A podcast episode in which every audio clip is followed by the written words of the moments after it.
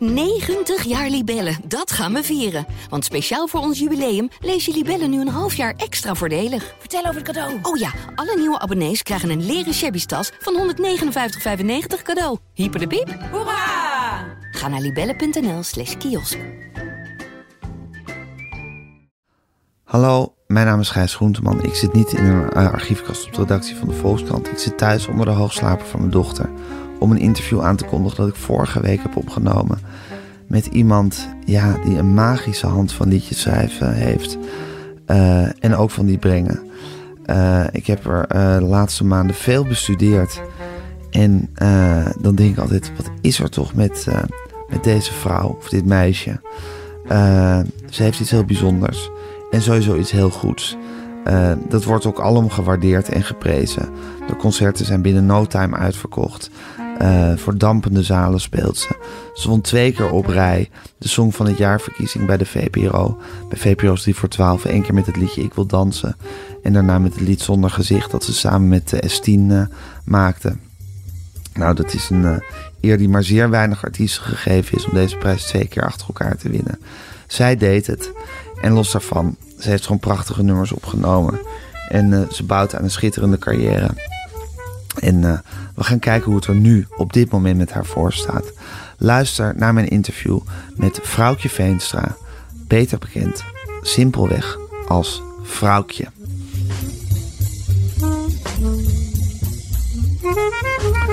Zo, vrouwtje.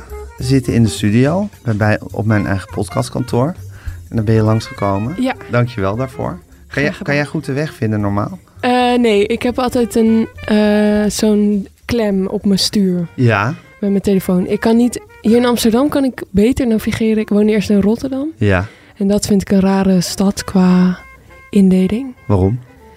Ehm, omdat Rotterdam zo'n beetje gek zo langs de Maas zo kronkelt. Ja. Amsterdam is gewoon een cirkel. Ja, precies. Een cirkel die daar omheen zo ja, is gewoon een uitbreidt. kompas eigenlijk. Dus Noord is, is in het noorden. Ja, en Zuid is in het zuiden. In het zuiden. En in Rotterdam vond ik dat altijd wat lastiger. Maar ik moet ook zeggen, ik heb daar lang gewoond met coronatijd. Dus dan kwam ik niet zoveel uh, Dan kwam je niet veel buiten. veel van A naar B. Terwijl dat ook een moment is juist om natuurlijk heel veel door een stad te gaan lopen. Ja, Tijdens corona. ja, ook wel gedaan. Maar niet, niet zo als nu, zeg maar, dat ik zo fiets. eh. Wat deed je in corona zoal? Ehm, liedjes schrijven. Hoe oud was je toen corona begon? 18. 18. Ja, Ja, ik ben nu 21. ja. Eh, ja, liedjes, liedjes schrijven, lezen.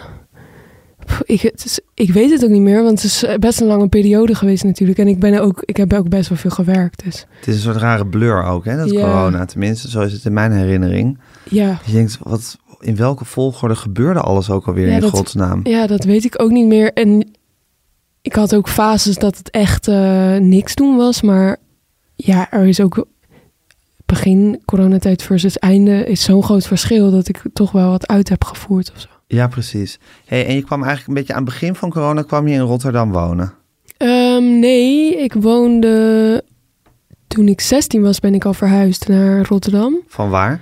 Vanuit Nieuwkoop. Ja. Eh, daar ben ik opgegroeid. Dat is tussen Amsterdam en Rotterdam in, Ja. eigenlijk in het Groen Hart.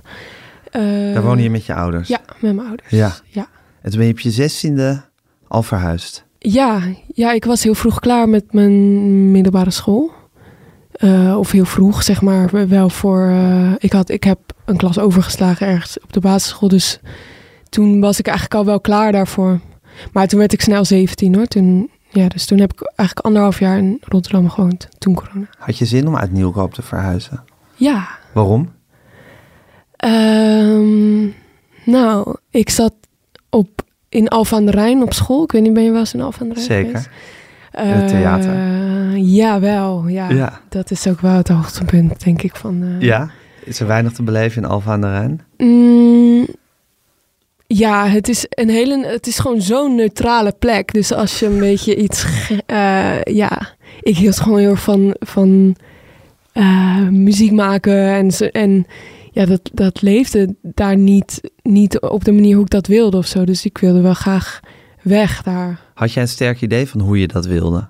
Had je een soort, had je een soort duidelijk idee van wat je wilde in het leven? Op een gegeven moment wel. Ik weet Ja? nog dat ik in de zesde klas had ik nou, toen had ik auditie gedaan voor het conservatorium. Ja. Toen, we, toen had ik op een gegeven moment besloten van, oh, dat, dat, dat is het of zo. Songwriting heb ik gestudeerd. En ehm, toen heb ik ook, met, eigenlijk terwijl ik nog op school zat, al heel veel achter me gelaten. Dus toen zat, ja, had ik niet meer, ik deed geen moeite meer om echt vriendschappen te onderhouden of zo. Ja, ja. Ja. Dat is grappig, want je had dus eigenlijk een soort, soort, soort heel bewust plan in je hoofd van... ik wil liedjeschrijver worden en muzikant. Eh, ik ga dat doen. Ik ga Ja. dat in Rotterdam doen. Ik zit nu nog op school. Maar dit is eigenlijk een soort leven wat al niet meer... waar ik niet meer in ga investeren. Ja, toen wel. Maar toen had ik een duidelijk plan. Maar ik ben wel een beetje over de plannen heen gehobbeld, zeg maar. Dus toen dacht ik, nou ja, ik hoop dat ik dan aangenomen word. Ik was wel best wel jong. Toen lukte dat. En toen eigenlijk mijn eerste liedje dat ik uitbracht, dat ja. lukte ook al. Dus toen lukte er eigenlijk heel veel achter elkaar. En toen ineens... eh, Toen ja, zat je met had je hele carrière. Ja, toen had ik Ja. geen plannen meer. Toen was het ineens Ja, zo. precies. Dus je bent over je plannen heen gehobbeld in die zin dat, dat de werkelijkheid je plannen inhaalde Ja, eigenlijk. ja, eigenlijk elke keer best wel achter, daarachteraan lopen. eh, niet per se plannen van hoe wil ik het eigenlijk allemaal doen. Maar het, het ging, het gebeurde gewoon. Ja, en kan, je- maar kan je dat gevoel nog herinneren van dat je 16 was, bijna 17 en op die school zat? En dat je gewoon dat, dat soort beeld had van ik ga een ander leven leiden dan wat ik hier heb. Dat lijkt me eigenlijk best wel grappig dat je gewoon zo'n soort heel duidelijk hebt van dit wat ik nu aan het doen ben Ja, dat is eigenlijk oud. Ja, Dat dat, sluit ik af. ja dat, dat was een heel fijn gevoel. Ik, Ja? eh, nou, ik sowieso de laatste tijd denk ik veel terug aan, aan, aan vroeger of zo. Niet omdat het zo lang geleden is, maar wel omdat ik voor het eerst voel dat dingen wel wat langer geleden worden of zo. Dus Ja, ook het zo, begint als iets van vroeger te ja, voelen. dus de middelbare school is nu dan zo, nou, vijf, zes jaar geleden. Dat, eh, ja, ineens is dat best een tijd geleden. En eh, dat gevoel, dat kan ik niet meer zo goed terughalen. Dat ik nog, dat alles nog zo, ja, dat je geen idee had van, eh, ik kon nog alles gaan doen. Ja, En nu nog steeds, maar nu is er wel al iets om mij heen wat, wat niet, ik ben niet, niet een soort blanco papier meer. nee. En er worden ook dingen voor je geregeld. En je moet Ja. afspraken maken voor over een jaar. Ja. En weet ik veel. Ja, je wordt natuurlijk ook gewoon een beetje geleefd als je eenmaal gewoon eh, succes hebt en door moet. Wat helemaal niet per se negatief is. Nee. Maar dan moet je gewoon, ja, je leven moet gewoon vormgegeven worden. Want er moeten afspraken gemaakt worden. Ja. Ja. En was je, was je een gelukkig kind op de middelbare school? Ehm, af en aan denk ik wel. Eh, ik was wel een, een zorgenmaker, zeg maar. Ja, piekeraar? Piekeraar. Ja, Eh, het kon altijd beter. Of ik was, er was altijd iets in mijn hoofd wat dan, ja, waarvan ik dacht, oh, zo zou het leven moeten zijn en zo is het niet. zo. ja. Eigenlijk neem ik daar nu pas een beetje langzaam afscheid van. Eh, maar ja, Kan je dat gevoel omschrijven? Het gevoel van, eigenlijk moet het beter dan wat het nu is. Is dat een soort iets wat in je buik zit? Of is het in je hoofd? in je buik denk ik. Ik had eigenlijk had ik best wel een leuk, leuk bestaan, want ik had best wel leuke hobby's en ik hield heel erg van lezen en ik hield van muziek maken en ik fietste elke dag zo naar school en ehm, nou, ik had niet geen vrienden, ik had er Nee. gewoon een paar of zo. Ja, Maar als, als puber denk je dan van, oh, maar ik moet, eh, eh, ja, ik moet ook een, eh, bij, bij die groep horen die, die eh, elke weekend eh, feestjes heeft en, en van alles doet. En terwijl nu, als ik terugkijk, denk ik, ja, ik deed precies wat ik nu nog steeds leuk vind eigenlijk. Dus het was helemaal oké. ja. Maar dat is gewoon een soort, soort, soort iets dieps wat je als puber kan hebben. Dat je, Ja. En misschien trouwens ook als volwassene. Dat je toch altijd het gevoel hebt dat je net daar niet bent waar het hele opwindende gebeurt. Ja, precies. Terwijl ik ben ook wel eens daar geweest waar wel wat opwindende gebeurde. En zo opwindend was het niet. Nee, dat is ook zo. Het is ook altijd meer dat je denkt Ja. dat het gras altijd groener is aan de Ja. andere kant. hey, en ik was laatst bij een concert van je in Paradiso. Ja. En toen heb ik je ouders ook ontmoet. Ja, Jullie, ja, daar viel ik toevallig met mijn neus in, in deze hele situatie. ja Je mijn, ging- de- mijn ouders, die, ik weet niet of ik dat mag zeggen van ze, maar die hebben mij achteraf nog gebeld. Want die vinden eh, jou en je vrouw vinden ze hele leuke mensen. Dus Zijn we ook. ja, vast Ja. zeker. Eh, dus ze merkte dat ze... eh, ze ging een beetje stoer doen, zeg maar. Echt waar? Ja, als een soort... Oh, Die ja. indruk wekte ze helemaal niet dat Nee? ze stoer aan het doen Nee, waren. eh, dat vond ik ook wel meevallen. Vond maar- jij dat ze zich heel stoer aan het gedragen Nou, waren? ik merkte wel een beetje van... Oh ja, jullie doen, jullie doen wel een beetje hip of zo. Oh, Oké. Ja. Want waarin deden ze anders dan dat ze normaal doen? Ja, nou, ik weet niet. Mijn vader die luistert gewoon altijd naar je podcast. Dus die was denk ik een beetje starstruck. Dus Ja, oké, dus we je- moeten hem nu eigenlijk even gedag zeggen. ja, Ja. ja. Nou, zeg René jij maar even hij. gedag. Hi René, Hi, die René. luistert vast. Hij is ook muzikant, hè? Ja, Ja. Wat was, wat was het voor een gezin in, om in op te groeien als je ouders zich, zou maar zeggen, normaal gedroegen en niet zo raar zoals ze toen in Paradiso deden? Heel, eh, heel leuk gezin. Ik eh, heb echt een hele goede band met mijn ouders. Ik weet, misschien, nou, misschien heb je dat niet gezien. Of Jawel, het wel, kwam ja. juist heel, het kwam heel liefdevol over Ja. hoe jullie met elkaar omgingen. Ja, en ik heb een zus. eh, dus wij waren met z'n vieren altijd wel... Nou ja, natuurlijk heb je, heb je fases dat je je ouders minder, minder leuk vindt. Of, of eh, ja, Het is heus niet altijd koekenij. nee. Nee. Maar ik heb, ehm, denk met hele warme gevoelens aan terug aan mijn jeugd. Aan Ja. mijn vroege jeugd. Ja. En het, was een, het kwam op mij over als een gezin waarin veel eh, liefde was en ook veel muziek. Ja, ja, veel, ja. Hoe, hoe, hoe, hoe, werd, hoe werd muziek ja, beleefd? Dat klinkt een beetje pathetisch, maar hoe, hoe was muziek in jullie huis? Ehm, heel erg in de, wel in de vorm van maken, denk ik altijd. Mijn vader die speelde altijd in bands, dus er Mhm. was wel veel... Dat werd dan gerepeteerd en hij was gewoon altijd veel aan het gitaar spelen. En eh, papa kon alles spelen altijd, dacht ik. Eh, ik vond mijn vader echt eh, de grootste muzikant van de wereld. Is hij ook goed? Ja, hij is, hij is vrij goed. Ja, vind ik wel. Tenminste, ja. Nu, als je ben, op school kwam ik dan met jongens die gitaar speelden, die elke dag zo eindeloos oefenen. En Ja. Mijn vader is gewoon basisschooldirecteur ook. Dus dat, ja, dat.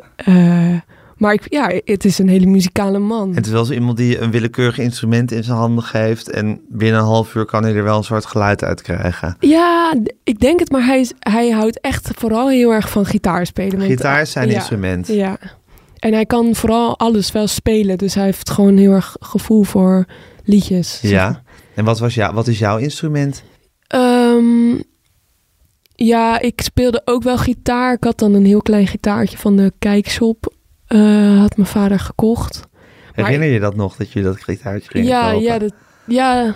De kijkshop was echt een hele gekke winkel, ja, hè? heel raar. Bestaat ook niet meer, toch? Nou, ik volgens mij niet, maar dat was, je had dan Met allerlei vitrines Ja, en er stonden dingen in. Dingen achter en dan kon je kijken en dan zeggen, dit wil ik wel. Het was een soort webshop, maar dan Ja. in het echt. Ja, Ja, maar dan moest je een papiertje inleveren met de code van dat, van dat ja, product. dat is waar, ja. En dan gingen ze bij de balie stonden van die mensen die dan ook verder helemaal niks wisten van de spullen die ze verkocht. Maar die stonden daar gewoon ja, de balie te bedienen. Ja, En die gingen dan naar achter met dat papiertje. En dan kwamen ze terug met, Met je wat je had item. ingevuld. Ja. heel random spullen ook. Zo'n gitaar. Het was best een leuk gitaartje, maar dat is eh, tussen de ja, soort speakers en... eh, ja, tussen allerlei en scheerapparaten ja, en dingen. stofzuigers stond dan een gitaartje. Ja, En hoe zag dat gitaartje eruit? Ehm, ja.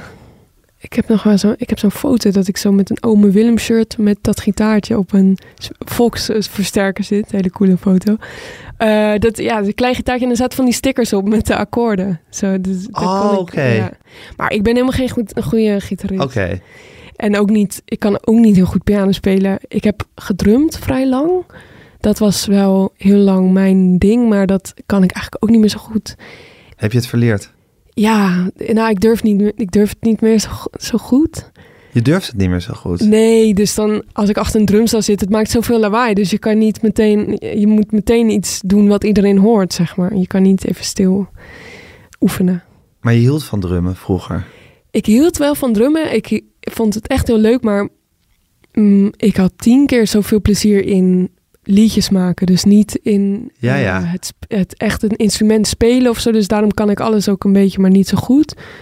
Eh, want dat hoefde niet, zeg maar. Ik was niet bezig met dat. dat Met iets virtuoos spelen of helemaal goed met een plaat van Prince mee kunnen drummen. Nee, dat, Maar je wilde gewoon liedjes ik maken. wilde liedjes maken, ja. Dus als, ik vond het leuk dat ik kon drummen, zodat ik met mijn eigen liedjes kon, iets kon inspelen, zeg maar. En dat heb je eigenlijk nou misschien wel zo lang, dat heb je altijd vanaf je eigen jonge jaren gehad, dat je gewoon het gevoel had dat er liedjes in je zaten die eruit moesten. Of zo. Ik denk het wel. Ik heb wel echt van dat ik heel jong was. Songteksten en zo. En, eh, en opnames dat we... Ja, dat we met zo'n soort begeleidingsband dan... Mijn vader had dan beneden een soort studio. Eigenlijk een beetje dit met zo'n 24 sporen apparaat. Eh, en dan namen we liedjes op. Dan hebben we zo'n heel klein stemmetje. Mijn zus ook. Ja. En dan eh, echt best wel veel uren aan materiaal. En, maar ja, ik weet niet of dat toen al een soort drive was of zo. Maar ik werd daar in ieder geval wel in geprikkeld. Ja, fascinerend hè? Ja. Heb je het altijd een lekker gevoel gevonden om een liedje te maken? Ja, ik weet ook nog wel dat ik als kleuter dan... ah, eh, op het schoolplein stond dan een lantaarnpaal en dan ging ik niet spelen of zo. Dus ik hij hield niet van buiten spelen, maar dan ging ik om die paal zo draaien heel lang. En dan zong ik gewoon wat er in mijn hoofd zat. En Ja. dan maakte ik zo een soort een liedje. Dat vond Ja. ik echt heel leuk. Wat heerlijk hè? Wat een heerlijk eh, iets om te hebben. Heeft je zus dat ook eigenlijk? Ehm, nou, mijn zus, ik heb heel veel muziek gemaakt met mijn zus. En mijn Ja. zus is echt heel muzikaal, maar zij is psycholoog. Zij is iets, ja. Ik, weet- ik weet niet of zij in haar vrije tijd nog heel veel muziek maakt. Nee. En had zij ook, maar maakte zij ook liedjes zelf? Of was dat iets van jou? Dat die Meer liedjes uit mij, jou kwamen? Ja. Ja. zij deed dat ook wel, maar ik ben dat, heb dat doorgepakt, zeg maar. Ja, en eh, dat heb je nog. En hoe, hoe gaat dat? Dat er een liedje, komt er een zin in je hoofd op? Of komt er eerst een melodie in je hoofd op? Eh, ehm, Hoe manifesteert het liedje zich aan jou? verschillend. Nou, ik ga vaak begin ik gewoon met een beetje akkoorden zoeken. Dan melodie en dan pas tekst eigenlijk. Ja, ja. En dan een beetje de woorden die daarbij horen. Ja, dat is soms wel heel erg zoeken. Vind ik altijd het moeilijkste punt van beginnen met zo'n tekst. Ja, Wat, waar moet het over gaan? Mm, Dus dan begin ik eerst een beetje met een soort Engelse gibberish eigenlijk. En Ja. langzaam worden dat Nederlandse woorden. Maar ja, ik heb, ik heb nu inmiddels wel dat ik met veel onderwerpen denk van... Ja, poeh, heb, je, heb je mij weer? Dat ik weer denk van, oh, ga ik weer de, hierover schrijven? Of zo. Dus- ja, ja. Maar er zit ook wel een soort zelfbewustzijn in je. Wat je dus ook hebt als je achter een drumstel gaat zitten. Dat je, dat je wel altijd een soort... Je bent wel jezelf je, echt je eerste kritische publiek. Ja, jawel, ja. Ja, ja, ik heb wel een bepaald gevoel van kwaliteit wat het moet hebben of zo. Dus iets, ja, ik zoek wel naar een goed liedje. En niet alleen naar... eh, Zomaar weer het Gevoel volgende eerste of- invalletje. ja, eh, maar dat vind ik ook moeilijk hoor. Ik schrijf nu best wel weinig, eigenlijk al, al een jaar wel niets, bijna niet. Gewoon eh, omdat ik, dat, dat zit een beetje op slot zeg maar, door, doordat het werk is, door inderdaad kritisch zijn, denken van het moet echt goed zijn. Eh, ik denk dat dat wel weer goed komt, maar dat, eh, ja, dat is wel lastig. Heb je daar vertrouwen in dat het goed komt? Eh, ja, 100 procent. Ja, want Ja. ik, als, ook al zeg maar, ehm, nou, misschien komt het niet terug voor een tijd en dan stop ik met dit werk nu even en dan ga ik iets anders doen. Ik wil dit niet hoor, dit zeg maar, ik wil Ja, ja. dat het. Maar dan, ja, dan, dan gaat het weer komen. Ik, Ja, ja. ja. Dus het is, zal ik maar zeggen, een bron die altijd wel in jou zit, denk Ja. je. Alleen het is natuurlijk inderdaad eh, dat raar dat iets wat heel argeloos is. Ja. Namelijk zoals wat je eigenlijk zegt, dat je om die lantaarnpaal rent en dat er gewoon een liedje uit je komt. Iets is argeloos en dat wordt ineens iets waar mensen op letten, waar je iets mee moet, wat misschien een waarde heeft als het eruit komt en waar je dan moet over moet denken of het goed genoeg is. Ja, Dus en dan moet je eigenlijk tegen die, tegen die, die, die druk die er opeens ligt, moet je die argeloosheid soort van Ja. kunnen beschermen. ja, dat is echt super moeilijk. Ja, Ik denk dat iedereen die. dat is denk ik voor iedereen in het creatieve Ja. proces. Want je, beg- iedereen begint natuurlijk argeloos Ja. met creatieve dingen maken. Met schilderen of met schrijven of met eh, muziek maken. Ja. Het is in het begin altijd iets wat je zomaar doet omdat het in je zit en eruit moet. Ja, en als, als kind dan, eh, dan, dan doe je dat gewoon zo. We tekenen ook allemaal als kinderen. Of Ja, iedereen maakt eigenlijk, de meeste kinderen maken. ja, En ik ben nu net kind af, vind ik. ja. Ja, ik geloof dat Picasso dat zei. Van, ik, ik heb mijn hele leven erover moeten doen om weer zo te kunnen tekenen Ja. als toen ik een kind was. Ja. Toch? Ja. Ja, maar dat is een beetje wat het, wat het is. Dat je weer, dat je weer terug moet kunnen naar dat, Ja, naar dat argeloze. ja, en dat is best wel moeilijk. Ehm, en ik geef altijd de, de ruimte, de schuld of het materiaal of de tijd. Of dat ik het te druk heb of eh, dat ik eh, geen goede bureau heb om op te schrijven. Tuurlijk. gitaar moet nieuwe snaren. Maar het is, eh, ja, het zit in mij. Ja. Ik ben gewoon onzeker. Dus als ik begin met schrijven, dan, dan, ja, dan, ja, ik weet niet of, ik heb er gewoon even niet zo'n zin in. Maar ja, dat, dat vind ik heel verdrietig. Daar heb ik ook wel, ben ik af en toe verdrietig over dat het dan niet lukt en zo. Maar ja, ik denk dus dat dat gewoon wel weer goed komt. Ik kan Ja. me niet voorstellen dat ik geen liedjes meer zou maken. Nee, maar toch, vrouwtje, het hele feit dat je dat nu, dat je dit gewoon heel matter of factly vertelt. Ja, En dat je ook zegt dat je het moeilijk vindt, maar dat je denkt dat het wel weer terugkomt. Dat vind ik eigenlijk al, zou ik zeggen, weer alweer, dan ben je alweer een hele fase verder. ja Dan dat ja. als je het heel geforceerd gaat zitten ontkennen, bijvoorbeeld, dat het zo Ja, is. Of er, of, het, of er niet eens aan wil dat het, dat het moeilijk is.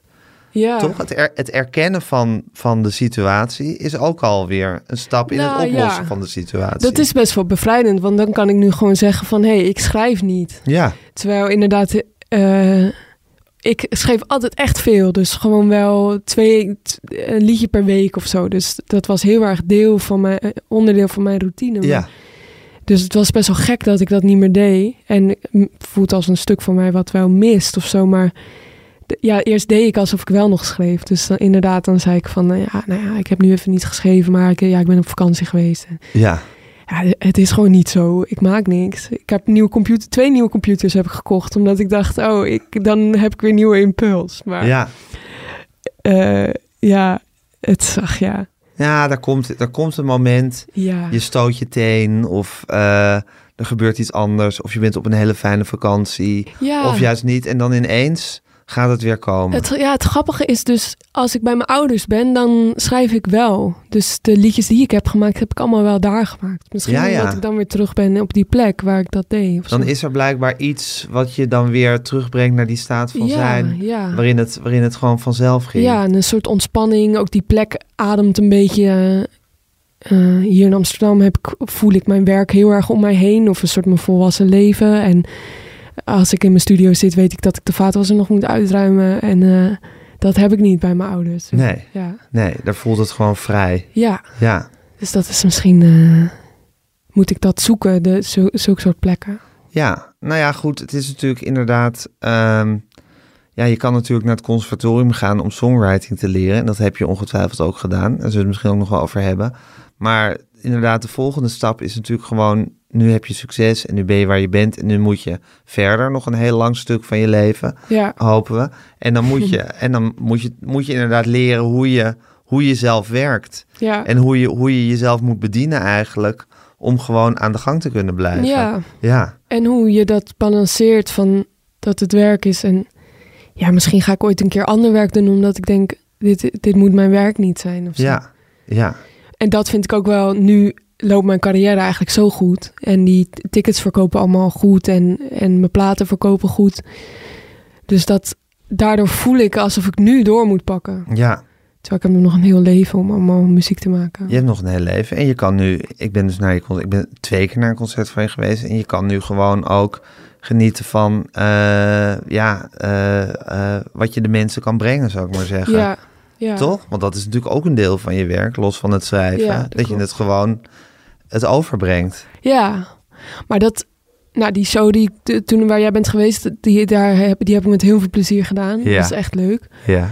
Ehm, maar dat materiaal is een beetje uitgeput nu. Dus Ja. eh, nou, we hebben toen dat decor eh, meegenomen. Dat, nou ja, dat heb je dan ook gezien. Dat Zeker. was een soort nieuwe, om die liedjes een nieuwe Ja, dimensie precies. te Eigenlijk, geven zo. voor die liedjes, die weet ik nu. Dus ik moet een andere impuls Ja. erbij. Dus dan hebben jullie een soort theatrale touch gegeven. Ja, En een heel, ja. heel erg mooi decor erbij gemaakt. Ja, en Ja. Dat, dat werkte denk ik heel goed. Daardoor hebben we wel een nieuwe, echt een nieuwe show kunnen laten zien. Ja, Alleen nu voel ik wel heel erg van, ook wil, ik heb nieuwe liedjes nodig om weer... om weer die tourleven Ja. te kunnen geven. Ja. Ja, Dus ja, het, be- het begint wel met de liedjes.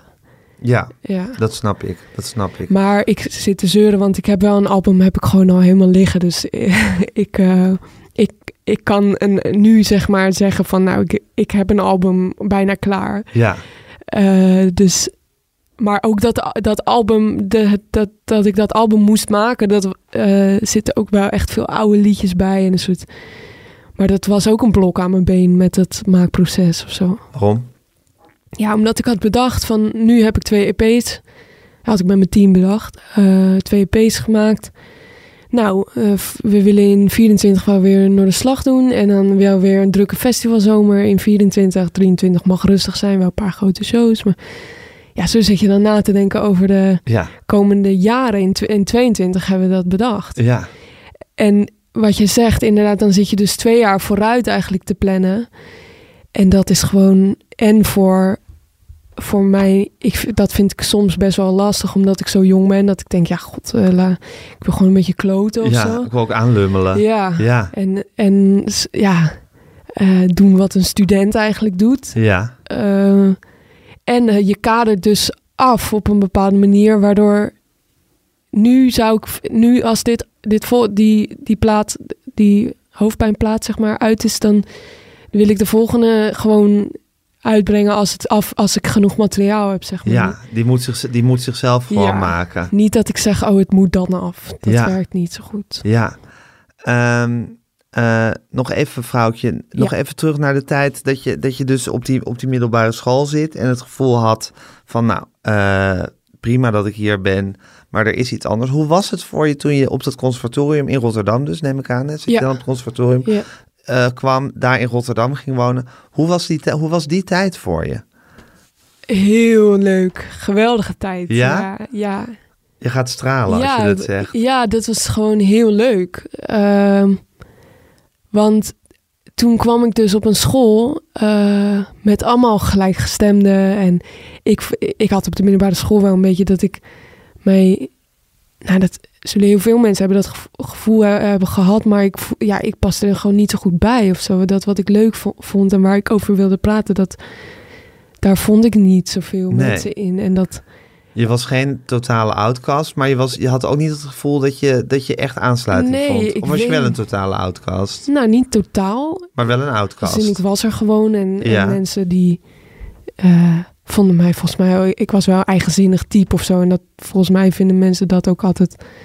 Er moet ook zo iemand zijn in de klas of zo. Ja, Ehm, en, eh, maar ja, ik voelde wel, als ik dan nu zo dagboekjes van toen lees of zo, voelde ik wel vooral mijn laatste jaar een beetje ongelukkig. Een beetje. doe je dat, dagboekjes van toen teruglezen? Ja, ja, Ja? ja? wel eens. Waarom? Wanneer, wat, wat zijn de momenten dat je dat doet? Eh, ik heb soms van die avonden dat ik zo ga graven eigenlijk in, in vroeger. Ik ben wel echt zo'n nostalgisch iemand. Ja, Dus eh, ja, nostalgisch, maar ook wel realistisch. In de zin van dat je ook heus wel weet dat het niet allemaal één groot feest was. nee, Maar soms wil je misschien heel goed begrijpen wat er vroeger gebeurd is of zo. Ja, Op zo'n avond. ja, Ja. of ja, ik weet niet, misschien dan, dan kijken van nou, hoe, waar, waar kom ik ook weer vandaan of zo. Hoe was ik toen? Ja, Vind ik wel boeiend. Maar toen in Rotterdam was, eh, nou, ik woonde op mezelf. Ik had heel snel een kamer. Eh, dat vond ik echt, dat ging supergoed. was heel leuk. Kan je goed voor jezelf zorgen? Nou, toen niet hoor. Toen had ik echt een hele rommelige kamer. En gewoon, ik kon niet koken en zo. Maar nu, nu kan ik best wel goed. eh, ik heb het nu best wel goed voor mekaar. Maar ik had gewoon meteen een hele leuke vriendengroep. Gewoon, die, dat zijn nog steeds mijn vrienden. En ik had hele leuke huisgenoten. En ja, je ging elke week met de songwriting klas gingen we in een lokaal allemaal elkaars liedjes luisteren. En dan kregen we weer een opdracht. En ja, gewoon zo, zo vrij maken of zo.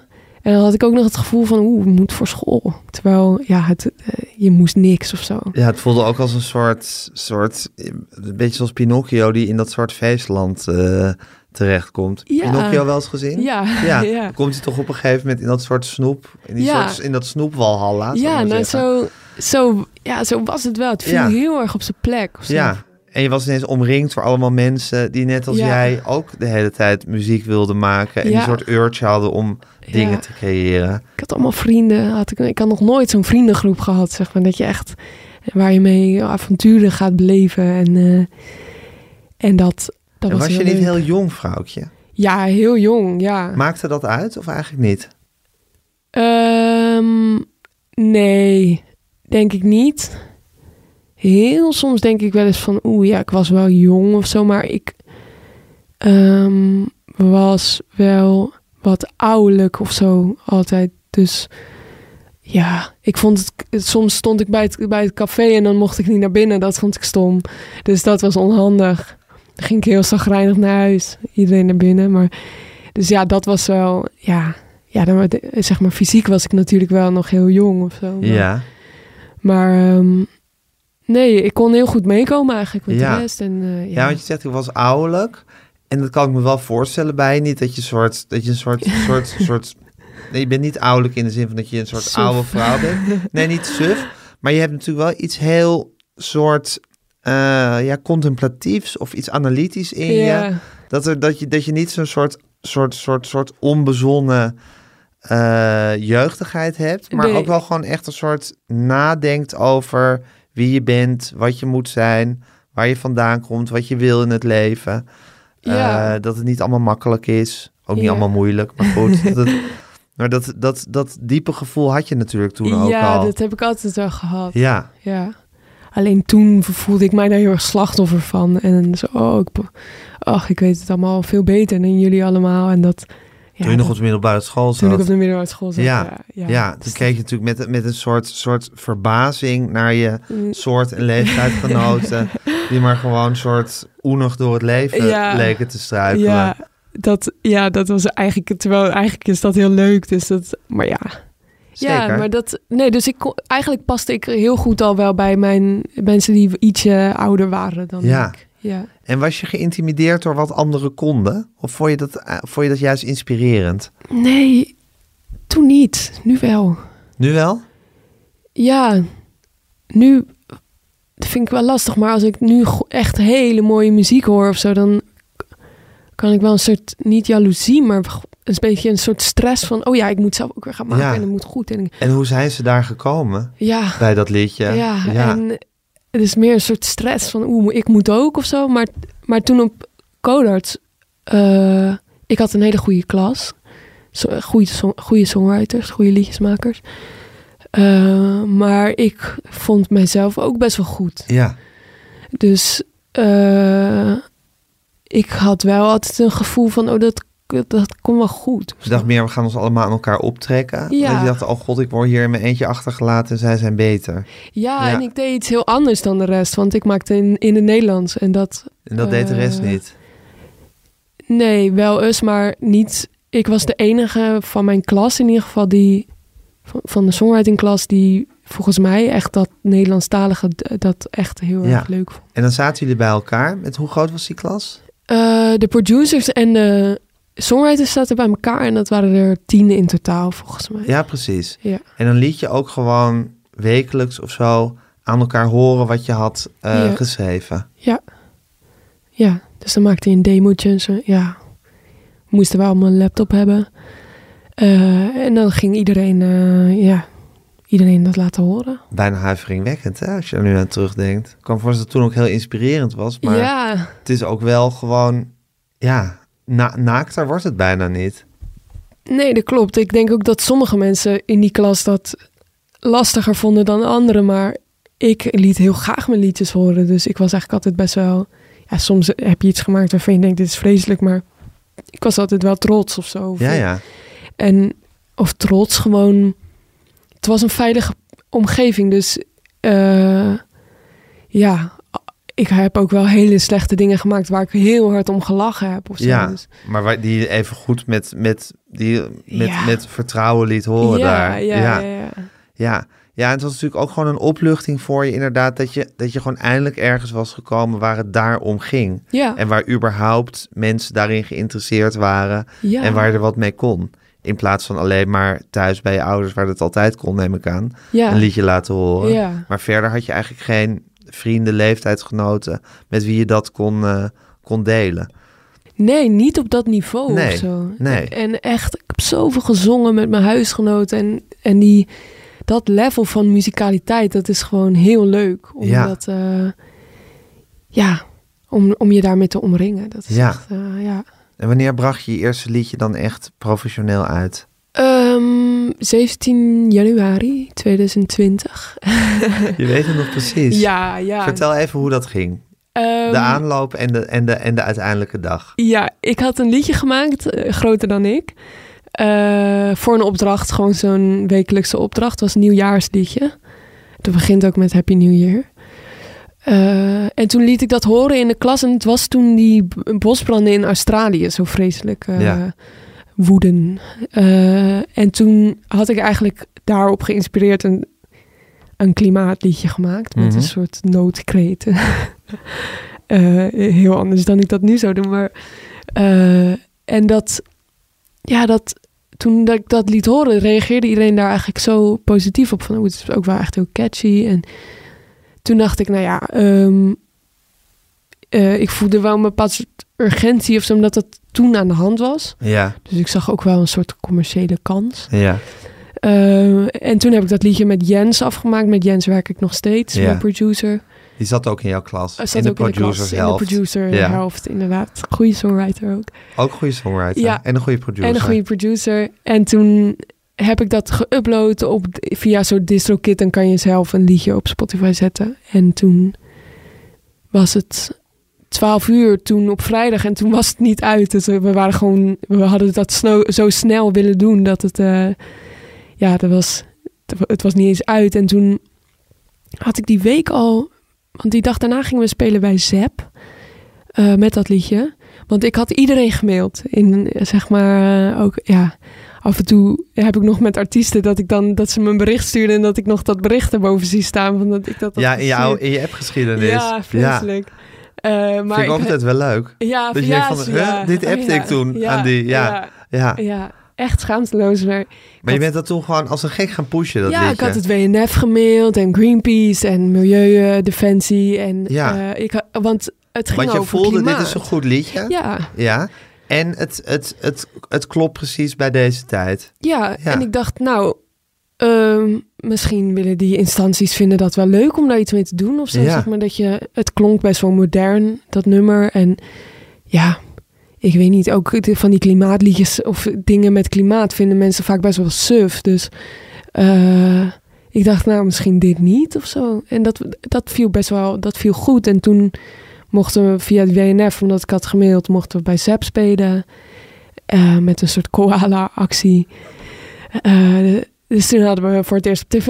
En nou, naar 3FM had ik het gestuurd natuurlijk. Dus, eh, eh, en dat werd opgepikt en het werd gedraaid. En eh, ja, ik weet niet. Het ging eigenlijk als, als een lopend vuurtje. Wat leuk zeg. En 17 januari was de dag waarop dit, waarop dit gebeurde. Waarop dit, dat was het begin van dit Ja, alles. Toen ja. kwam je online. Ja, Ja. ja. Met een clipje erbij. Had mijn huisgenootje gemaakt.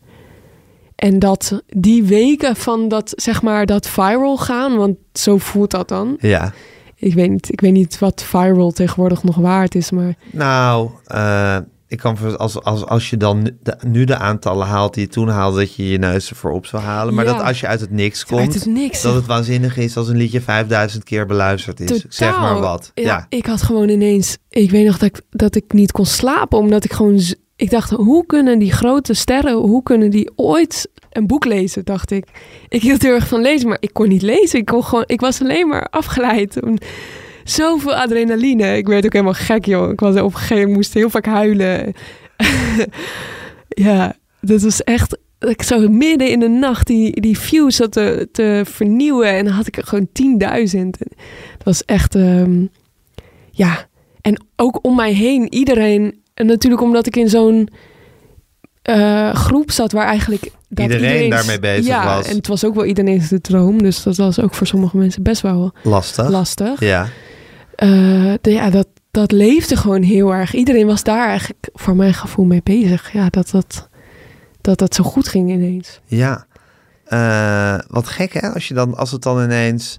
En je dacht dus van, van, ik snap niet dat mensen die dit soort dingen meemaken, dat die ooit nog rust vinden of Ja. kalmte in hun leven. Ja, Want je voelde een soort alles overheersende opwinding in je ja hele lijf. totaal. Mijn, mijn grootste droom was aan het uitkomen. En ja, nu kan ik daar al ik vind het wel leuk dat ik dat nog zo dat ik dat gevoel zo heb meegemaakt. Mhm. Want nu voelt dat alweer heel erg ver weg en alles voelt heel gewoon. Maar Zeker. De eerste keer krijg je nooit meer terug. nee, Nee, maar dat was een hele leuke tijd eigenlijk. zeker. Ja. Ja. en ook weer leuk dat je het zo bewust hebt meegemaakt. Ja. En ook weer jammer dat je dat nooit meer een Ja, tweede keer kan Ja, meemaken. Hè? Ja. Ja. maar wel goed. En eh, wist, je eigenlijk, wist je eigenlijk dat dit je grote droom was? Ik bedoel, had je dat zo voor jezelf geformuleerd? Mm, nou, ja, op een gegeven moment dacht ik wel van die liedjes, dat is het wel of zo. Dat, dat zou ik wel heel leuk vinden. Maar ja, wat ik ook al zei, ik had nog niet eens echt mijn droom ge, Nee. ge- voor mezelf eigenlijk duidelijk. Nee. Want, ja, ik dacht ik ga gewoon liedjes maken en dan misschien op een gegeven moment dan doet het wat. Of kan ik een keer in het theater spelen. Ja, want iets wordt misschien ook een grote droom als je eerst al tien mislukkingen achter je na. Als je het al, zal maar zeggen, twee jaar geprobeerd hebt. Ja, Dan denk je, oh god, als het toch op een dag eens zou lukken. ja en, En dat dan je je echt het. gaat verdiepen in hoe ziet dat er dan uit. En Ja. als het wel lukt. En hoe kom je daar? En eh, ja. Ja. Maar ik wilde wel, ik droomde wel van een eh, podium op een bepaalde Ja. manier. ja, Eh, dus ik weet niet of dat dan een soort hele egocentrische droom is, maar ja, je, ja ik hield gewoon van, van in de aandacht staan. Op, niet per se als mens, maar gewoon ik hield van een spreekbeurt houden. Ja. dat ik dat goed kon. Je houdt van communiceren met het publiek. Ja, Ja, ik, nou, dat ja, kan je ook heel erg goed. Dus ik kan me ook voorstellen dat je, dat, dat je die behoefte had in je. Ja, Ja, dat, vond, dat vind ik gewoon heel leuk. ja, En ehm, eigenlijk nog veel leuker als, als het podium veel kleiner is. Dat ik echt eh, een beetje kan praten met mensen. Wat, en dat was wel... Ik ben helemaal niet zo eh, ik- heel kletserig of zo, zeg maar. Ik ben best wel introvert. Maar dat, ja, dat was wel mijn droom. Dat ik iets kon, ging vertellen op een podium. ja. zo. Dat heb, je altijd, dat heb je altijd voor je gezien, hoe je dat zou doen. Nou, ik, Heb je ook altijd de, de mogelijkheid gegrepen om als je ergens Ja. met een gitaar of een Ja. keyboard of een microfoon gewoon eh, naar voren kon, dat je dat dan lekker deed? ja, ik was wel diegene. Ja, Ja, oh, en met elk open podium, elke karaoke show stond, Stond je er stond weer. ik er. ja, ja. Ja, ja, zo heb je. En som- sommige mensen vinden dat vreselijk. Dus, dus ja, het is. Ik moet zeggen, ik hou er ook van, dus ik Ja, herken het ja. ook. Behalve dus dat ik helemaal niet kan zingen. Maar ik vind het ook altijd heel leuk. Maar wat... Ja, ik, ik analyseer het zelf altijd in dat het jezelf... Dat het, dat, het, dat het mezelf ook in een soort concentratie brengt die ik heel prettig vind. Ik vind het Mm. heel lekker dat het zo... Dat je er staat en dan moet het... En dan moet je gewoon zo goed mogelijk zijn. Ja, En je krijgt ook heel snel door of het lukt of niet. ja, Dus of je, die, of je die, die, die connectie maakt en die mensen meekrijgt. wat eigenlijk heel spannend is, want als het niet lukt, zou je Dan ben je de sigaar. hebben. Ja, dat Ja. is niet fijn. Ja, maar het is lekker om jezelf zo voor het blok te zetten. Ja, Tenminste, dat vind ik. ja, vind ik ook. Want ik weet dat, dat het ook vaak wel lukt. En dat gevoel is heel lekker. Dan is het, eh, ja, dan, dan hebben ja, Ja, Maar ja, en- en mijn, zo, ja, zo, mijn vader deed dat vroeger dan ook altijd, zeg maar. Dus eigenlijk precies zoals hij dat deed, kan, doe ik dat ook. Gewoon zo, wij hadden, we gingen dan covers spelen vaak op feesten en partijen. ja, Ah, die man, die blijft praten met, en, die, en die houdt niet op. Zeg Maar ja, in principe, nou, eh, nu heb ik best wel van die gestileerde shows of zo. Maar Aha. het leukst vind ik gewoon, eh, ja, op Down Rabbit Hole stonden we op een car met de band. Ja. Maar dan ben ik helemaal in mijn element. Dat ik niet eh, op klik hoef te spelen. En dan blijf ik ook maar praten. Ja, hou niet op. Wat is op klik spelen? Ehm, nou, wij hebben nu met die liedjes... Dat is allemaal best wel geproduceerd... als wij die grote shows Ja. doen, zeg maar. Eh, en dat is dan... Als we dan beginnen, zo nou de show begint... dan zeggen we, oké, de- dus zeg ik door een andere microfoon... oké, ik ben er klaar voor, we gaan beginnen. En dan hoor je... eh, intro, two, three, four... Kung, kung, kung, kung. Dus er staat materiaal op die, Ja. op die band, zeg maar. Ja. Dus we spelen gewoon... Mee, Nee. eigenlijk. Ja, Ja, en dat hoor je op je oortje. ja, Hoor je dat dat is? En dan moet je, en dan moet je eigenlijk, dan moet je mee. ja. Ja, Ja, dat, dat staat vast, zeg maar. Dat is gewoon op een grid. ja. Dus je kan ook niet zeggen, oké, nou, de sfeer Je is kijkt goed. een vrouwtje, ja, ik wil je niet beledigen, maar net, net hadden we het geloof ik over, over je middelbare school, of over, de, over liedjes schrijven, toen straalde je. Ja. En als je hierover vertelt, dan krijg je een soort ja, mismoedige eh, trek om je mond. Nee, dat, ja, dat snap ik. Want ik heb... Ik, nou, ik voel minder lol daarbij. Maar ik vind wel echt, nou, zo die Paradiso show, ik vind dat wel echt heel leuk hoor. Ja, Ehm, en ook dat dat dan allemaal was gelukt met, die, met dat decor. En, maar, nou, ik, ik zou wel, ik heb wel zin in iets. Nou, ik vind dat heel leuk, maar ik ben, voel meer liefde bij, ja, dus wat kleiner. ja bij gewoon zelf aftellen ja, en dan gaan spelen. Ja. ja. Vrouwtje, Ja. ik moet zeggen, wat ik wel bijzonder aan jou vind, is dat je, ik maar zeggen, zoals ik het kan eh, beoordelen, en dat zal misschien, maar dat je, dat je, ik maar zeggen, van jezelf een vrij schuchtere persoonlijkheid bent. Je Ja. bent niet iemand die ergens binnenkomt en begint te zwaaien. Hey hoi, hier ben ik. Maar je hebt nu toch al op een paar dingen, ik maar zeggen, wel heel duidelijk geformuleerd hoe je eigenlijk iets ideaal wil en hoe jij het voor je ziet. Dus dat je zou zeggen op de middelbare school zat ja. en dat je het wist van oké, ik moet songwriter worden, ik ga naar Rotterdam. En wat ik nu doe is eigenlijk klaar. Ik ga me focussen daarop. ja. Dat je gaat zeggen van mijn volgende plaat moet gewoon een plaat worden die ik, die ik zelf maak. eh, als die, dat, die ik maak en dat die af is als die af is. En waar niet een heel duidelijk soort eh, tijdschema in zit. ja. Dat je nu met die klik, dat je ook gewoon zegt, nou oké, ik snap dat het aan de ene kant, het heeft zijn voordelen, maar ik vind het ook lekker. Je hebt wel een soort heel duidelijke intuïtie, die je volgens Ja. mij ook wil volgen, eh, over hoe je, hoe je vindt dat het, di- of hoe je, wat je denkt dat het beste voor je is eigenlijk. Ja, dat klopt wel, ja. En ik denk ook dat je dat wel nodig hebt als, zeg maar, als artiest. Dan kan je je werk in zoveel handen leggen. Maar Ja. Ja, ja dat is heel stressvol als je niet zelf een sterk onderbuikgevoel hebt of zo. Waar Ja. je van kan zeggen, ja, dat, dat, dat is mijn rode draad. Ja, En als iemand een goed idee heeft, dan, dan kunnen we die draad een beetje omleggen. Maar, eh, maar dat vind ik nu wel lastig, omdat ik dus een beetje zo'n turbulente periode achter de Mhm. rug heb. Is dat kompas wel een beetje op hol. op hol Ja, je weet niet meer zo goed waar het. eh, er zit ergens waar het een noorden zit. die... eh, Ja. ja. ja, wel Ja. een beetje, ja. ja, Ehm, je bent ook wel een kompasdenker, hè, blijkbaar. Ja. Ze zei over, over Amsterdam ook dat het net een kompas ja, is. ja, ja, ja. Maar een kompas vind jij een, een soort prettig symbool van dat je weet waar je naartoe moet. Nou, het, nou, het is grappig. Ik zeg dat helemaal niet vaak, maar nou, zo, zo voelt het wel. Zeg Ja. maar ook met zo'n naaldje wat dan beweegt en, en dan op een gegeven moment vindt het weer het noorden of zo. Ja. En je hebt nu het idee dat het een beetje Ik aan het ronddraaien beetje, is. ja. En dan moet weer even dat magneetpunt vinden. ja. Ja, Maar ja, god ja, ik ben 21 zeg maar. zeker. Nee, Ja. goed. eh er zit nog helemaal geen man overboord. Nee, maar soms vind ik dat wel lastig. Dus ook met die plaat nu, die waarvan ik zeg die, die hoofdpijnplaat. Dat is een hoofdpijnplaat omdat ik het gewoon niet zo goed weet. Ik weet Ja. niet of, het goed, of ik het goed genoeg vind. Ik weet niet of het klopt. Ik heb altijd gehad dat ik dacht, ja, dit... Ja, nou, ik, ik kies hiervoor en het moet zo zijn of zo. En Ja. nu, nu eh, voel ik dat even niet meer. Ja, het grappige is natuurlijk dat, dat, dat het hele wezen van een liedje schrijven is natuurlijk eigenlijk hetzelfde. Want er, er, er dient zich iets aan Ja, in je. En dat zijn, kijk, er zijn maar twaalf noten. ja. En er zijn al een miljard liedjes geschreven Ja. in de wereld. Dus je kan ook zeggen, nou ja, wat zal ik er nog aan toevoegen? Maar er dient zich in, iets aan in je.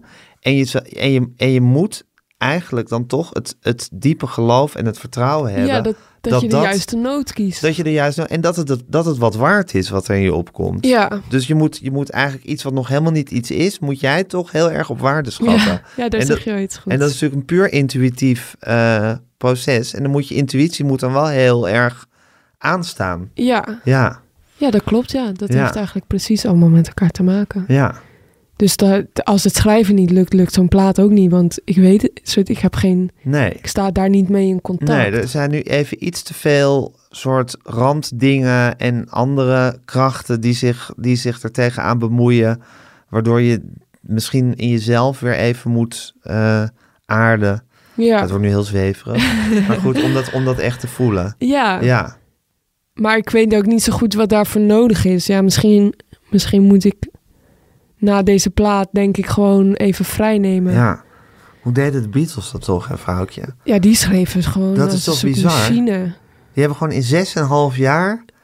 hebben ze, hebben ze, hebben ze, hebben ze die hele rij platen gewoon Ja. eruit, eruit uitge, uitge, geramd werkelijk. Ja, Terwijl de hele wereld om hen heen, bedoel, was, Ja. was met ze bezig. ik vind het heel knap dat je ook zoveel, inderdaad, zo, zoveel meemaakt en dan nog de rust hebt om te maken of Ja. zo. En, om, en ook, ook steeds een stap verder te gaan. Ja. Ja. Of Bowie, die vond zichzelf elk jaar Ja. weer opnieuw uit. Ik heb geen idee. Misschien, ja, ik weet niet, misschien hadden zij ook wel gewoon wat minder afleiding of zo. Nou, ze hadden geen sociale media. Ja, dat scheelt natuurlijk dat zo, scheelt, dat scheelt sowieso al heel een erg. paar uur schermtijd op een dag. Zeker. En ook een paar, paar eh, miljoen minder soort invloeden de hele tijd. Ja. Mensen die van alles wat vinden, die de hele tijd op je inwerken. Ja, Het gevoel dat je de hele tijd soort bekeken wordt. Ja, en het zijn misschien gewoon hele grote creatieve krachten ja geweest. dat kan, ja. Ja. En, Nou, ik moet ook altijd aan David Bowie denken, die eh, op een gegeven moment, eh, dat is dan wel misschien ook een soort vergelijkbaar.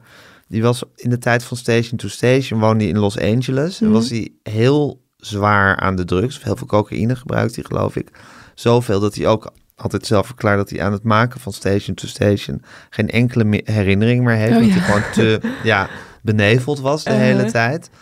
En toen voelde hij gewoon op een gegeven moment van... Ik, ik hou dit niet meer vol in Ja. deze soort glamourstad... met al die drugs en al die mensen. En ik moet, zoals hij het zelf formuleerde... ik moet weer naar een plek waar ik gewoon ook boodschappen moet doen. Oh, en ja. kan doen. Ja, En toen is hij naar Berlijn gegaan... in een soort, ja, niet heel erg glamorous buurtje gaan wonen... op een verdieping... waar hij eigenlijk een vrij soort normaal leven kon leiden. hij had gewoon een soort appartement daar, toch? Hij had een soort appartement. of- Ja, een flatje, precies. Vlakbij, vlakbij de muur en helemaal niks, niks bijzonders. En toen kwam dus uit die soort gekte van. Ja, In dat soort agenebische, ja toch krakerswereldje van, van Berlijn. Nou ja, en toen heeft hij zichzelf inderdaad weer opnieuw uitgevonden. Er kwamen Low en Heroes en Lodger. ja, dat zijn totaal wel mooie verhalen. Ja, maar goed, dat is natuurlijk ook... Hij heeft zichzelf toen ook gewoon een soort gereset natuurlijk. Ja, En ergens anders, eigenlijk ergens anders neergezet om weer tot zichzelf te kunnen komen. ja, precies. Ja. Ja, zo moet je jezelf altijd maar Nou, weer. Misschien moet ik eh, verhuizen naar eh, Nou, misschien, of zo. nou, misschien voel je zoiets op een gegeven moment. Of naar Antwerpen. Het zou kunnen hoor. Ja, Ja, of ik, ik denk, ik voel ook wel dat Amsterdam, dat ik vind dat een vrij drukke stad. Gewoon, eh, ik ben hier, ik vind het hier niet rustig, zeg maar. Qua, dus ik kom echt uit een dorpen met veel groen en eh, ik ben nu veel aan het varen en dan voel ik dat weer van de ruimte en de stilte. Dat heb ik ook heel erg nodig om überhaupt ruimte te hebben om na te denken of zo. Of om eh, ideeën ja, te, te krijgen. ja, Als je constant prikkels krijgt, dan is er helemaal geen space voor, voor een idee. ja, Dus dat, ehm, dat, daar snap ik Bowie wel in. ja, ja. Ja. En zo moet je jezelf natuurlijk gewoon leren. Je moet, nou, wat ik, je moet inderdaad gewoon weten hoe je jezelf moet bedienen. Om je in de goede staat van zijn te brengen Ja. om iets te kunnen maken. Ja, Ja. Heb je het hier met je ouders wel eens over? Is dit een gesprek wat je met je ouders voert? ja wel. Ehm, maar nou, liever met mensen die wat dichter bij dat werk staan. Ja. Ehm, want mijn ouders snappen dat, mijn vader snapt dat vrij goed wel.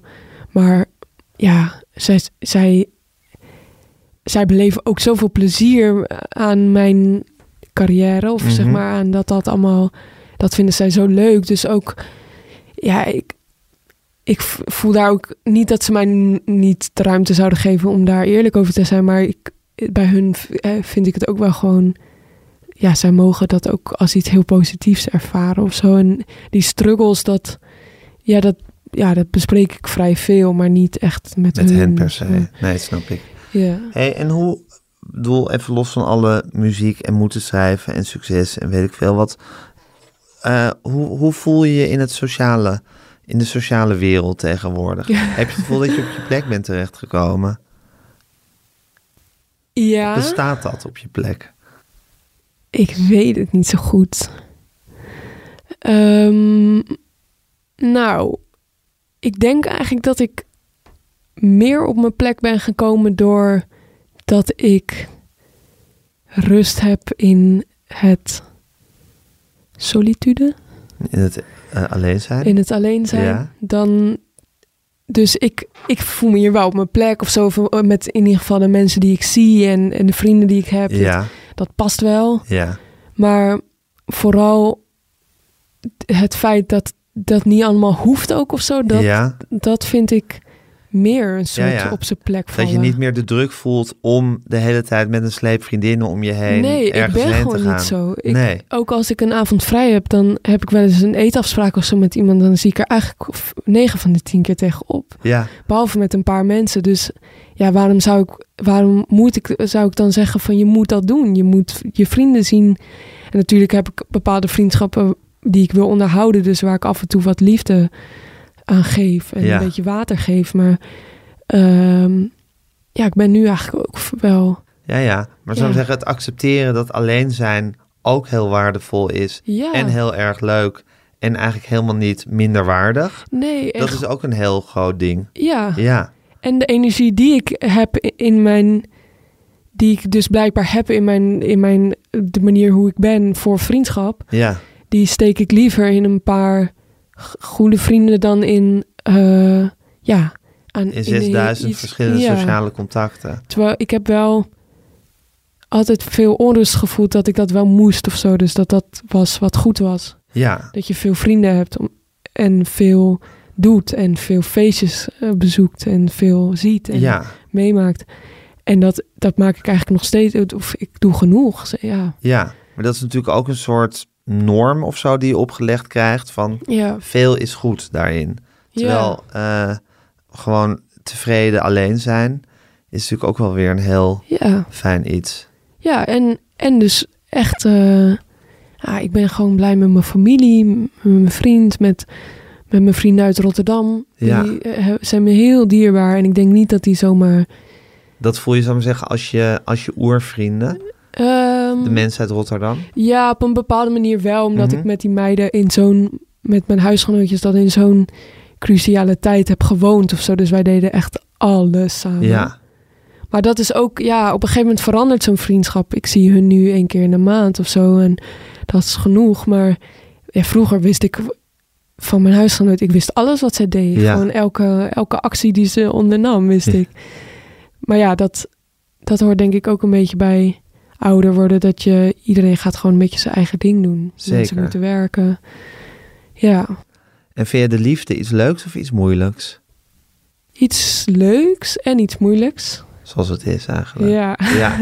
Wat vind je er leuk aan en wat vind je er moeilijk aan? ik vind het heel gezellig en fijn en warm dat je als mens zoveel liefde kan voelen voor iemand. En, Ja. eh, En je zo kan verbinden aan iemand? Ja, en zo onvoorwaardelijk of zo. Dus ook als iemand het opvolgt, dat je kan denken, nou, ik- ben er nog steeds voor jou. Dat vind ik heel mooi en fijn. En ik heb altijd relaties gehad, dus ik vind, ja, soms vind ik het moeilijk dat ik, ja, ik weet niet. Dat ik dan denk, oh, is dit het dan? Of zo, ja, ik weet niet, ik ben daar wel altijd dan nog een soort onrustig in of zo. Terwijl, ja, weet het zegt, niet. ik heb altijd relaties gehad, dus dan denk ik van, is dit het dan? Als in, Beetje onduidelijk verhaal. ja, dat geeft niet. Nou, ik heb tijdens, ik heb, nou, ik heb. eh, Je bent nooit lang single nee, geweest. nooit. Nee. ik ben echt, ja, ik, ik hecht mij gewoon heel snel aan iemand. Ja. Dus dan, ja, dan als ik op het moment dat ik, Ik zeg, noem dat nou, zelf bindingsdrift. Ja, precies. Ja. dus als ik denk, nou, ik, ik wil eigenlijk, ik had eigenlijk bedacht dat ik alleen wilde zijn en, en dat en binnen wilde no time ben je weer verliefd. En Ik ben dan, eh, verliefd, ik hou van iemand. ja. En dan zeg ik nee, het moet stoppen. En dan, sto- ja, dan lukt dat niet. En dat vind ik wel moeilijk. Dat, ja, daar, daar zoek ik nog wel naar een soort, ook naar een soort acceptatie bij mezelf. Dat dat gewoon is hoe ik ben of zo. ja. Want dat is prima. Ja, precies. Maar daarin moet je ook... Je moet, dus anders ga je jezelf weer zitten... Of ga je jezelf weer... Maar dan, dan denk je van... Moet ik wel de hele tijd me zo binden? En moet ik niet helemaal Ja. vrij zijn Ja, daarin? ja, en dat. op mezelf kunnen zijn? Dan wordt dat een soort verwijt wat je jezelf ja, een maakt. verwijt. Ja. Dat ik denk, god, ik ben altijd zo afhankelijk. Terwijl dat ben ik niet. Want ik, ik ben ook goed alleen of zo. Maar ja. Maar dat is, dat is nu, vind ik eigenlijk nu een hele leuke uitdaging het, het individu zijn en het alleen zijn in een In een relatie. relatie. Ja, want dat is natuurlijk het allermooiste wat je kan Ja, bereiken. dat is prachtig. Ja, Want ik dacht altijd, ja, ik moet alleen zijn, want ik moet een keer eh, alleen zijn als persoon. En, maar dat, ja, je houdt er gewoon van om samen te zijn met ja ik iemand. vind het gewoon gezellig. Ja, En dat ik, ja, ik hou wel van, van iemand om me heen of zo. Dus eh, niet van heel veel verschillende contacten, maar wel van iemand waar ik niks tegen hoef te zeggen. Of ja, zo. Ehm, ja, dus dat vind ik wel mooi. ja. Ja, goed. eh, dit is eigenlijk zo, ook zoals je in je liedjes bent. Dat je gewoon, dat het gewoon een permanente soort analyse is van wie je bent en hoe je bent.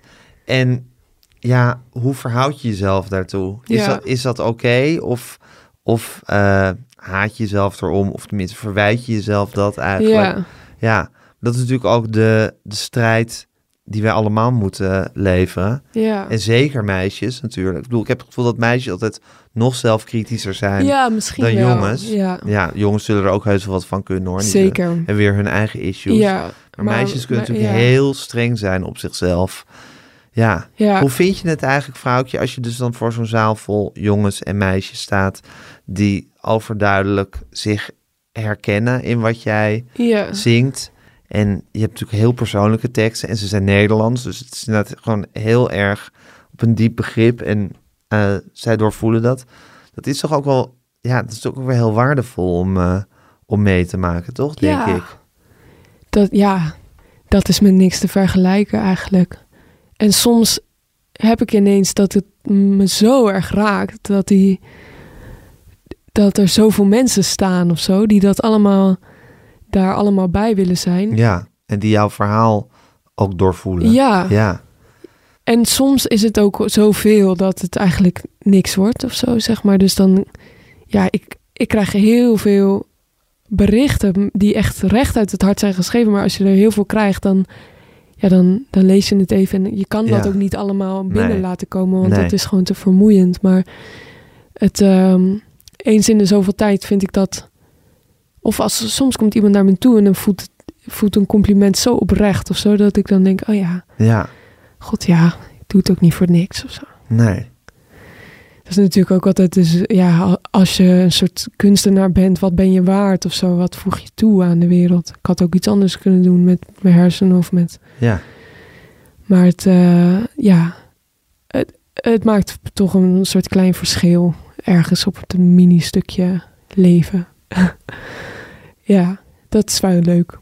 Ja, je hebt zelf ook veel mensen van wie je houdt, toch? Om wat ze maken en om wat ze jou gegeven hebben in jouw leven. Muzikanten en platen en ja zeker. Ja. wat. Het, is, het is de kers op de taart. Ja, het is toch een beetje. En ook een beetje de essentie. Ja, Ja, ja.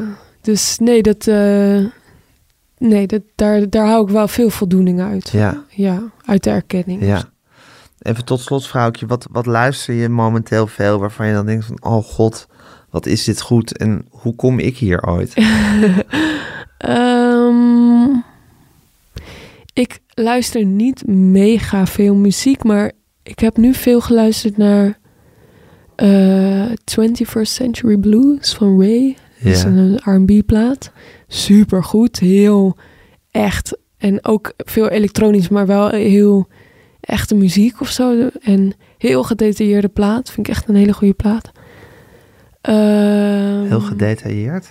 ja, gewoon, je voelt dat er veel liefde in die Ja. arrangement is gestoken. Of zo. Er Dus- zitten overal kleine ja, dingetjes. ja, en dat is soms in Nederlandse popmuziek is het best wel blokkig. Dus dan als soort Lego-blokken, zeg maar, zo ziet zo'n productie er ook uit. Ja, heel pixelig. Ja, Ja. gewoon zo. Oh En ja, is het is allemaal heel- geknipt en geplakt. En, Ja, eh, dat, is ook, dat is ook, kan ook heel vet zijn, maar eh, alleen als het een keuze is, zeg maar.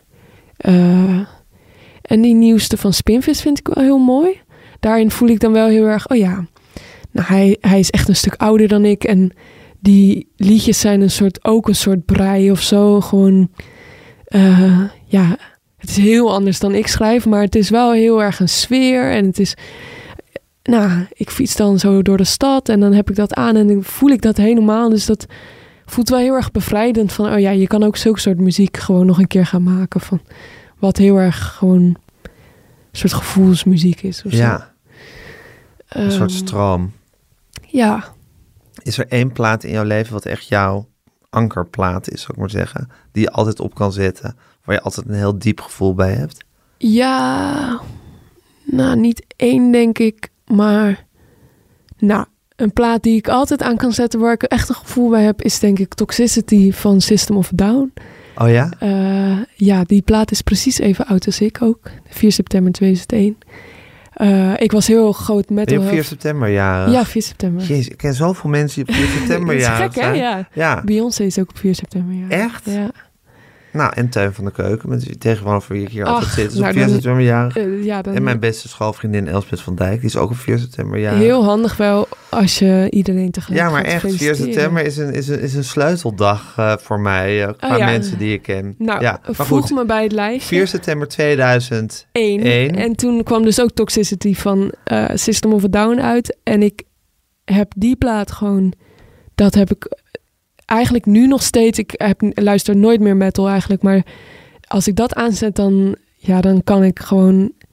Nou, dan word ik gewoon gek, zeg maar. Dat is echt mijn, mijn high plaat. Dus elk, op elk... Alles klopt voor jou op die plaat. Ja, en, en elk stuk van mijn leven kan ik die aanzetten en denken... Ja, dit is echt vet. Dit is het. Ja, nooit uit het oog verloren. Oké. Ja. Nou, vrouwtje, ik vond het fantastisch om je, om je nu wat beter te leren kennen. Eh, ik vind je geweldig. Dankjewel. Ehm ehm zullen we met een, wil je met een liedje van jou, zullen we met een liedje van jou eindigen? We Ja, hoeven is niet nu te gaan luisteren, maar dan gaan de luisteraars het horen. Welke, ze, welke, welke, welke vind je zelf passen? Eh, uitzinnig. Uitzinnig. ik. Ja, Hele goede keuze. Dankjewel, vrouwtje. dankjewel. Ik voel me ontzettend goed. Ik weet niet wat ik met mezelf moet. Ik ben uitzinnig, oh je weet niet hoe. Blij ik ben dat ik mij ben. Ik lig op het grind van iemands achtertuin. Sinds een tijdje is de horizon schuin. Ik heb vernomen dat ze lachen om me. Ik kan bijna voelen hoe hun tenen krommen. Ik kan bijna voelen hoe het is om te zijn, zijn wie je wil zijn. Ik voel me toch zo ontzettend fijn. Ik ben jullie mijlen ver voorbij. Ik ben groot in het klein. Allerliefste, alsjeblieft, hou van mij. Liefste, hou van mij. Dit was Met Groenteman in de kast met vrouwtje. Mijn naam is Gijs Groenteman. Ik maakte deze podcast samen met Fanny van der Rijt en Tamar Bot. Die hielpen bij de redactie.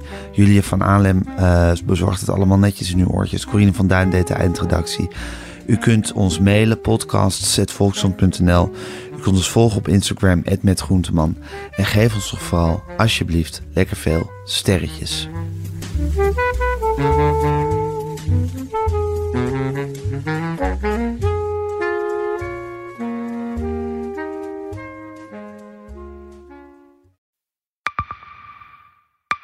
Zijn leven is overhoop gegooid. Plus dat heel veel mensen hem niet geloven. Vrienden niet, die, die denken, ja, hij is gewoon gek geworden. Hoe naar moet dat zijn? Als je vertelt over de meest indringende ervaring uit jouw leven en niemand gelooft dat je het echt hebt meegemaakt. Ja, ik vind zelf niet dat ik het verzonnen heb, maar sommige mensen denken dat wel. Maar hoe kom je erachter of jij je doelwit bent van een geheime dienst? Ik heb ook wel eens meegemaakt dat je het idee hebt dat inlichtingdiensten in je geïnteresseerd zijn. En dan kun je wel heel veel zien, wat er misschien helemaal niet is. Als ik s'avonds nog iets ging eten, dan volgden die mensen mee naar het restaurant. En dan terug van het restaurant naar het hotel. Als zij op een gegeven moment zei, kijk maar uit, want anders word je dadelijk nog ontvoerd ook. Shit, ik moet hier weg. Dat is, dat is niet goed. Nu word ik gevolgd. Een soort Truman Show is het gewoon. Hè? Alsof dat hele straatbeeld voor jou is ingericht. Maar dan wel met bedoeling jou, jou niet door te laten. Dit kan geen toeval zijn. Een nieuwe podcast van de Volkskrant. Mijn naam is Simone Eleveld en samen met Huid Modderkolk ontrafel ik een bizarre operatie van de geheime dienst. Wat het doel ook is, jij verliest het. Ik werd opgepakt, heel lang ondervraagd. Maar hoe krijg je grip in een wereld die zo onderzichtig is? Als je zou liegen, dan zou je niet de meest relevante informatie twee jaar later tussen neus en lippen doorvertellen. Er zal nooit iemand zeggen, oké Bart, ik geloof je. Nooit, nooit. Dit kan geen toeval zijn. Vanaf 3 oktober bij de Volkskrant. Ik weet niet of ik je ook alles kan vertellen. Het is echt te bizar. Wat? Ehm, ja. 90 jaar Libellen, dat gaan we vieren. Want speciaal voor ons jubileum lees je Libellen nu een half jaar extra voordelig. Vertel over het cadeau. Oh ja, alle nieuwe abonnees krijgen een leren shabby tas van 159,95 cadeau. Hyper de piep. Hoera! Ga naar libellen.nl slash kiosk.